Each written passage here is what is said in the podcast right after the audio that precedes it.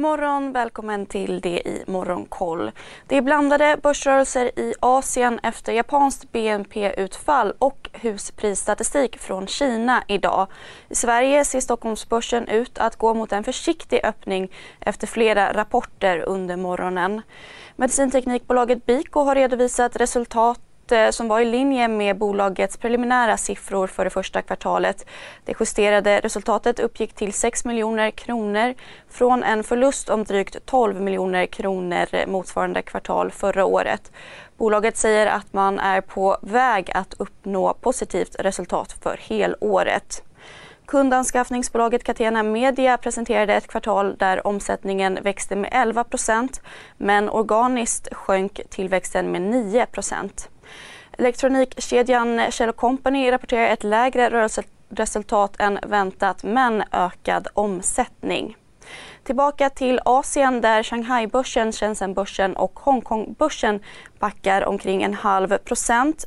Priserna på nya kinesiska bostäder sjönk 0,1 procent i april jämfört med samma månad förra året efter en ökning om 0,7 procent i mars. Tokyobörsen lyfter en halv procent. Japans ekonomi sjönk mindre än väntat under perioden januari till mars. BNP sjönk med 1 i årstakt. Väntat var en nedgång om 1,8 procent i årstakt. I USA stängde börserna uppåt efter uttalanden från Fed-chefen Jerome Powell och stark detaljhandelsstatistik. Flygsektorn, banker och teknikbolag gick starkt. Twitter återhämtade sig något och steg 2,5 procent. Varuhuskedjan Walmart däremot rasade över 11 procent efter... I de sekunderna när jag är i luften så är det en kamp på liv och död. I Spotlights serie Vinnarskallarna minns stjärnorna själva de dramatiska svenska sportögonblicken. Hör Anja Persson berätta om när hon kraschade i OS-backen men reste sig igen. Jag ville vinna över berget. Vinnarskallarna. Nytt avsnitt varje fredag. Sök efter podden Spotlight. Har redovisat sämre resultat än väntat och sänkt flera prognoser. Fed-chefen Jerome Powell sa att den amerikanska centralbankens beslutsamhet med att bekämpa den högsta inflationen på 40 år inte bör ifrågasättas även om det kräver att arbetslösheten pressas upp. Den amerikanska tioårsräntan stärktes och har nu backat några punkter för att noteras i 2,96 procent.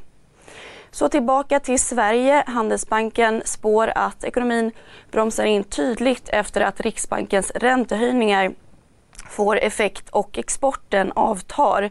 Det skriver banken i sin konjunkturprognos. Banken tror också att arbetslösheten vänder upp igen 2023. Det trots en fortsatt stark ekonomi på kort sikt. Flera storägare i nummerpresentatörstjänsten Truecaller, däribland största ägaren Sequoia, har sålt aktier under natten motsvarande 5,6% av samtliga utestående aktier.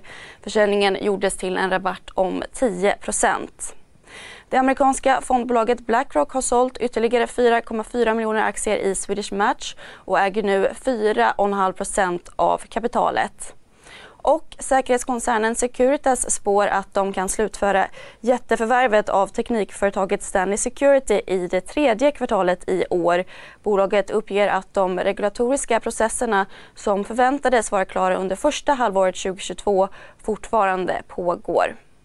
På agendan idag har vi bland annat inflationsstatistik från Storbritannien samt rapport från kundanskaffningsbolaget Better Collective med flera.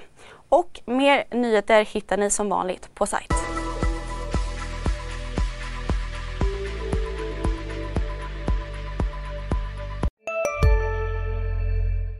CSRD, ännu en förkortning som väcker känslor hos företagare.